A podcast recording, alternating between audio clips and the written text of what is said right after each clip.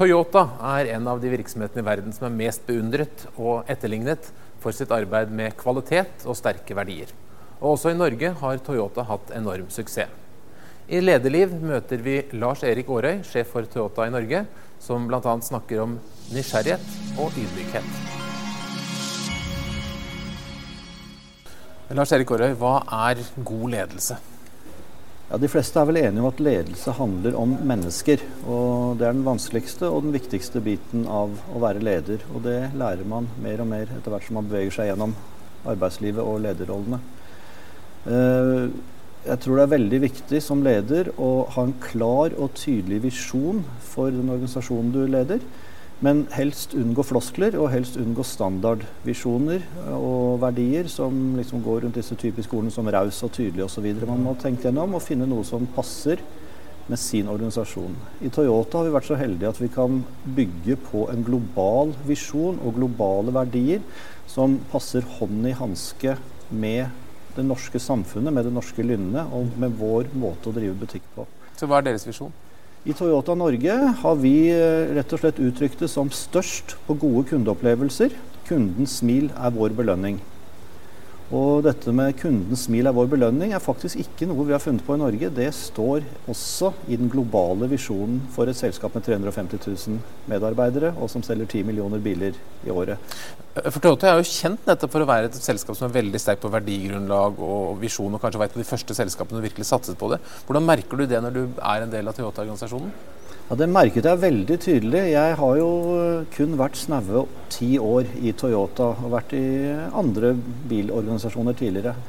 Det som slo meg veldig tydelig da jeg som, som pluss-minus 40-åring startet i Toyota, var at nettopp dette fokuset på verdier var så reelt, og at det ble ansett som å være noe konkret og noe som er viktig for businessen vår. Ja, hvordan opplevde du at det var reelt mer enn andre steder? Jo, fordi som med bakgrunn i å være en produksjonsbedrift Toyotas røtter sitter i manufacturing, i å drive fabrikker godt med kvalitet og effektivitet. Mm, mm. Så er det verdier der med menneskenes bidrag, med teamwork, med samarbeid med leverandører, med krav om kontinuerlig forbedring, som omsettes i praksis, og som vi som nye ledere som kommer inn, og også gjennom hele arbeidslivet, må drilles på. Toyotas to hovedverdier, som er globale, som gjelder for alle de 350 000 medarbeiderne, er veldig enkle. Respekt for mennesker og kontinuerlig forbedring. Og Det har vi forsøkt å ta da i vår lille organisasjon her i Norge med alle forhandlerne våre, og bryte ned på hvordan vi jobber, hvordan vi fokuserer på kundene. Det harde mot det myke både være effektive, men også være veldig veldig kundefokuserte. Dere selger massevis av biler, ligger helt i toppsjiktet både på kundetilfredshet og også i toppen på omdømmemålingene. Hvor mye skyldes disse fantastiske bilene, og hvor mye skyldes dere som organisasjon? Ja, Omdømme kan ikke skapes uten å ha veldig gode tjenester eller produkter. Det tror jeg er klart. Man kan ikke kommunisere seg til et godt omdømme. Eh, ei heller kan man på en måte, hvis man er i vår business, hvor vi selger eh, ting av glass og metall, og som er design, og som er helt fysiske, konkrete ting Du kunne ikke selge dårlige biler med god service. Mm. Eh, heldigvis da, så har vi en basis eh, i Toyota-kvaliteten og miljøfokuset som gjør at vi har en veldig god match mellom norske kundepreferanser og de fysiske produktene vi selger. Mm. Så er jeg veldig takknemlig for at før jeg kom inn i denne organisasjonen, så var det fire tiår pluss med veldig klare, visjonære mennesker som startet denne businessen i Norge, og som sa at her skal vi vinne på kundetilfredshet og kundefokus. Det er jo ganske åpenbart at man skal ha en kundefokus. Alle norske bilforhandlere og merker burde jo skjønne det. Hva er det som gjør at dere klarer å lykkes bedre enn andre? Nei, det er å ta konkrete valg, og så er det å være klar på denne visjonen og få hele organisasjonen med seg våre forhandlere tenker veldig likt. De driver sine egne forretninger. De har fått rammebetingelser fra importøren som setter dem i stand til å gi den lille ekstraservicen, for service koster jo penger. Mm. Eh, har du ikke marginer, driver du ikke en lønnsom business som representant for et merke, så er det veldig vanskelig å gi god kundeservice over tid. Men jeg, og ikke minst mine forgjengere som har satt dette her opp, har vært veldig klare på at vi skal ta oss av kundene hvis det skulle skje noe med bilen deres. Eh, når vi er i forhandlinger om å, om å selge bil til dem, ved rutinevedlikehold, alle touchpunkter med kunder, skal vi ligge med litt ekstra service. Og det er lagt inn i hele forretningsmodellen. Nå har dere hatt som sagt mange suksesser, men i perioden din så har det vært noen nedturer. Kan du fortelle om en gang hvor det ikke var så gøy å være Toyota-sjef? Ja da, det er sikkert noen fremdeles som husker for en fire års tid siden, da dette ordet 'tilbakekallinger' begynte å komme på folks lepper. Eh, da ble det jo innkalt for kontroll og eventuell utbedring veldig mange millioner biler i, rundt om i hele verden. Og det var mye politikk i USA særlig, der hvor disse tingene oppsto. Saken var jo egentlig relativt udramatisk. Det var noen konstruksjoner på pedaler, det var matter som gjorde at det var eh, muligheter for at eh, en gass kunne henge seg opp. Eh, det ble hevdet i USA at det var noen tilfeller hvor dette var skjedd. Det var store undersøkelser rundt elektronikken osv. Heldigvis ble Toyota frikjent på anklagene for å ha skjult eh, mangler osv. Men mens dette sto på, så var det veldig mye spekulasjon. Eh, samtidig fikk vi en konkret hendelse her hjemme i Norge med en eh, bil som eh, kjørte i autovernet, som ble koblet til denne saken, som gjorde at det ble veldig mye presse.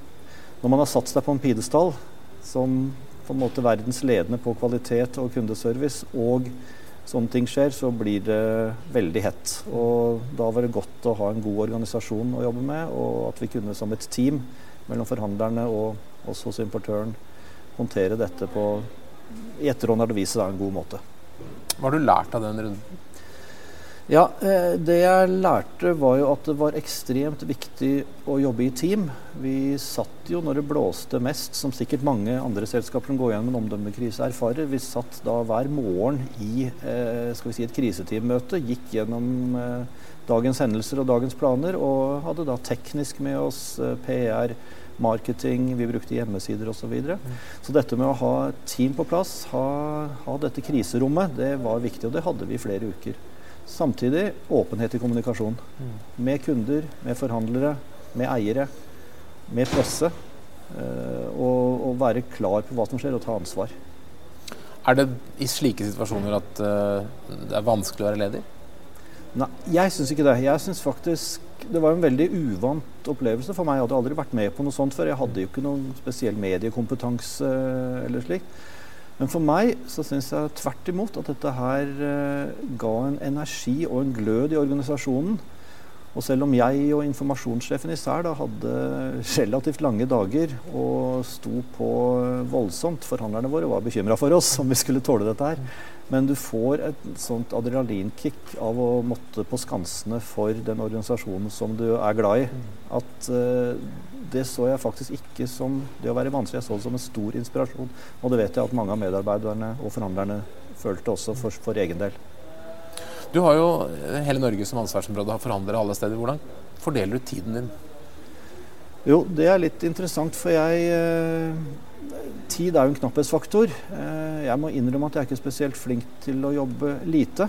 Det tror jeg også er nødvendig for å, for å ha suksess. Én en ting jeg har lært med en organisasjon særlig som vår, da, som du sier med forhandlere, små og store over hele landet, er at det er viktig å ikke bare prioritere de store og i anførselstegn viktige. Kunne vært veldig lett å se hvor selger jeg 80 av volumet mitt, og så bruker jeg all tida der.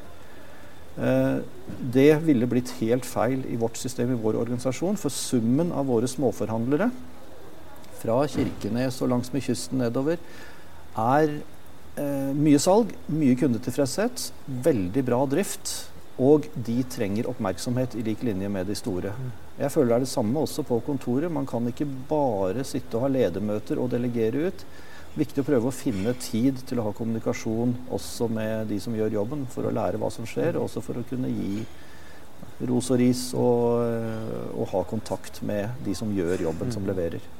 Det er ganske my mye myter og klisjeer rundt bilselgere som ja. yrkesgruppe. Du kjenner jo ganske mange av dem. Hva, hva, er det som kjennetegner de beste bilselgerne? De beste bilselgerne er helt motsatt av den stereotypen mm. av denne pushy, nesten sigarrøykende dandyen. Altså, de fins ikke. Eh, jeg kjenner dem ikke, i hvert fall. Altså, De gode bilselgerne som jeg kjenner, er eh, sånne som du skulle likt å ha som kompis. Eller for en voksen kunde som du skulle ønske å ha som svigerdatter eller svigersønn.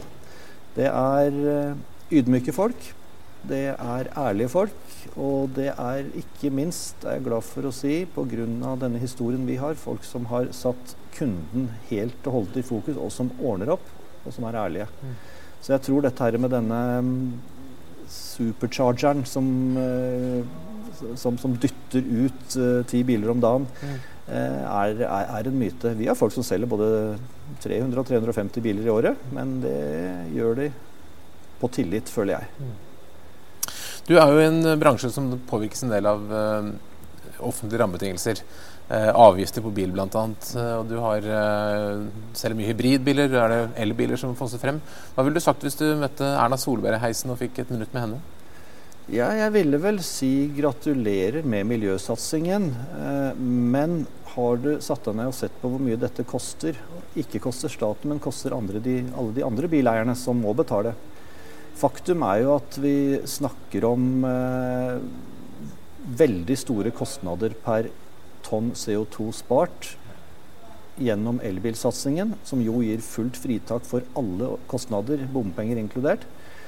I forhold til de som f.eks. har valgt å kjøpe en lavutslippsbil, ta en av våre hybrider. Jeg føler litt med våre kunder som i god tro har kjøpt en god miljøvennlig teknologi og som nå ser at de må være med på å betale lenger for tunneler og veiprosjekter.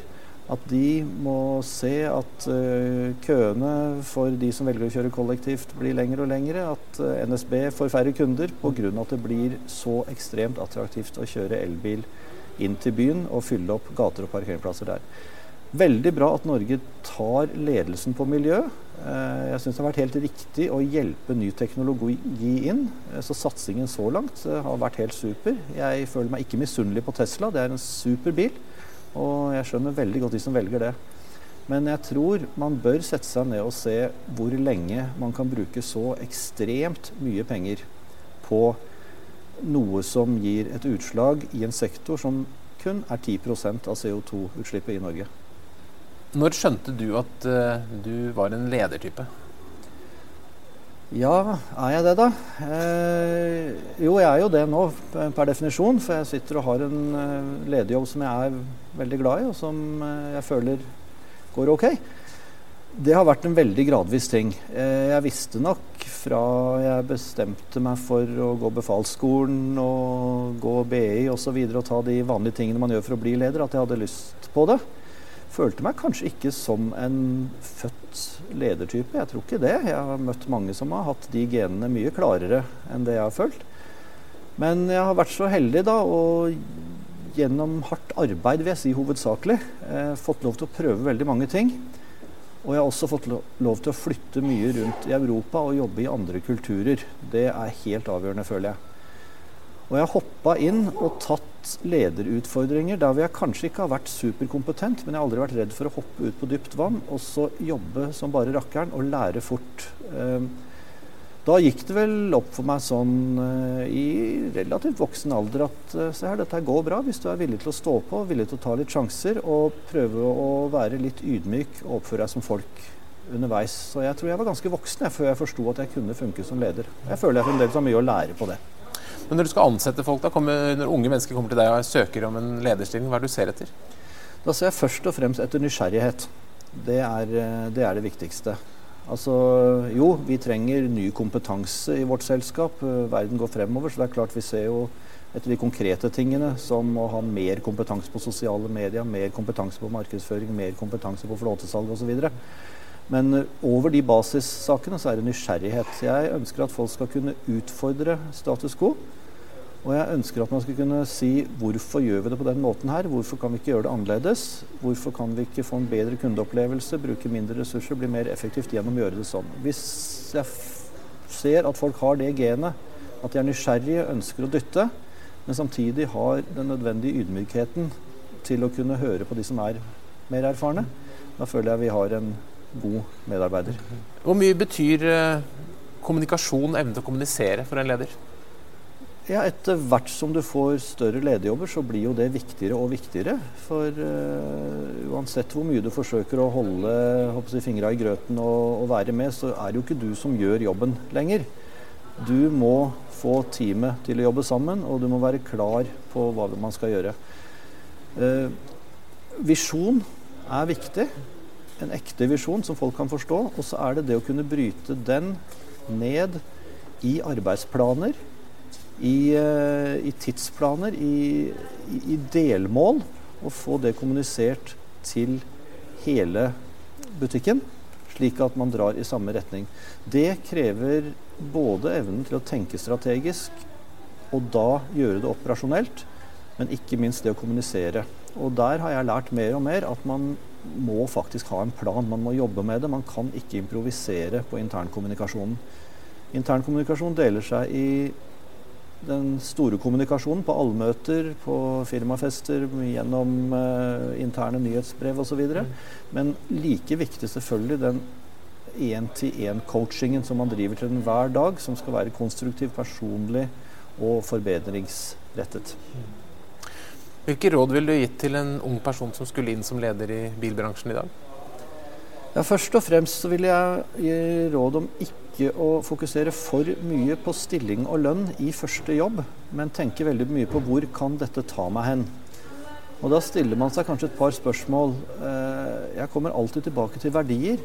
Er dette selskapet et selskap som harmonerer med mine egne verdier? Er dette noe som jeg kan vokse med? Og så bør man stille seg spørsmål er, hvor er det jeg vil dette skal ta meg hen? Altså I mitt eksempel, min første arbeidsgiver var Ford. Ford Motor Norge. Jeg startet der i en relativt, nei, veldig beskjeden jobb. Eh, men jeg var helt klar på at jeg hadde lyst til å jobbe utenlands. Og jeg visste at fikk jeg en fot innafor hos Ford, så ville de sende meg utenlands relativt raskt. Og det skjedde. Derfor var det en veldig god beslutning. Så det å tenke på hvor du vil ta deg hen, og tenke på at kulturen passer overens med din egen, er mye mye viktigere enn lønn og stillingsbetegnelse i den første jobben. Du sier at, at, at ydmykhet er viktig. Ja. Uh, har du et eksempel på en situasjon hvor du måtte vise ydmykhet? Ja, jeg startet i et uh, stort europeisk selskap som uh, driver med tjenesteleveranser til bilbransjen for mange år siden. Det var en stor europeisk jobb, og kanskje min første store europeiske jobb. Jeg ble hyra der fordi jeg kjente ledelsen i dette firmaet, og jeg kom da fra det store konsernet Ford og fra Masta og hadde bilprodusenterfaring, og dette hadde de da innprent på meg var akkurat det de lette etter, og jeg var så viktig. Så jeg gikk inn da som europeisk salgsdirektør i dette selskapet og ble ganske høy på meg selv fordi at styreformannen i dette selskapet hadde fortalt hvor viktig jeg var. Så jeg startet jo min rolle da med å sende ut et brev til de daglige lederne i alle datterselskapene om hvem jeg var, hvor jeg kom fra og hvordan jeg ville at salgsjobben skulle håndteres herfra. Og det gjorde jeg vel omtrent før jeg hadde møtt dem. Um, det var ingen suksess. Eh, de så en blåruss som kom inn. Dette var folk som drev butikken, hadde litt møkk under negla. Var resultatansvarlige. Mens her kommer det da en europeisk salgsdirektør og skal fortelle hvordan ting skal gjøres. Eh, en stor bom og en stor mangel på innsikt på egen rolle. Det er utrolig viktig å gå ut og lytte og lære før man begynner å ta sterke synspunkter og bli veldig høy på, på egen person. Så det ble en bra liten skole for deg? Det ble en veldig bra skole, for det var tøffe karer jeg hadde med å gjøre med. Og dette her endte veldig bra. Jeg var seks år i dette selskapet, og vi hadde et enormt bra samarbeid. Og vi fikk god vekst i businessen og god lønnsomhet. Men jeg fikk meg en fin, en fin liten lærepenge i den starten i den jobben, som jeg da prøvde å ikke gjenta dette trikset når jeg begynte i andre jobber.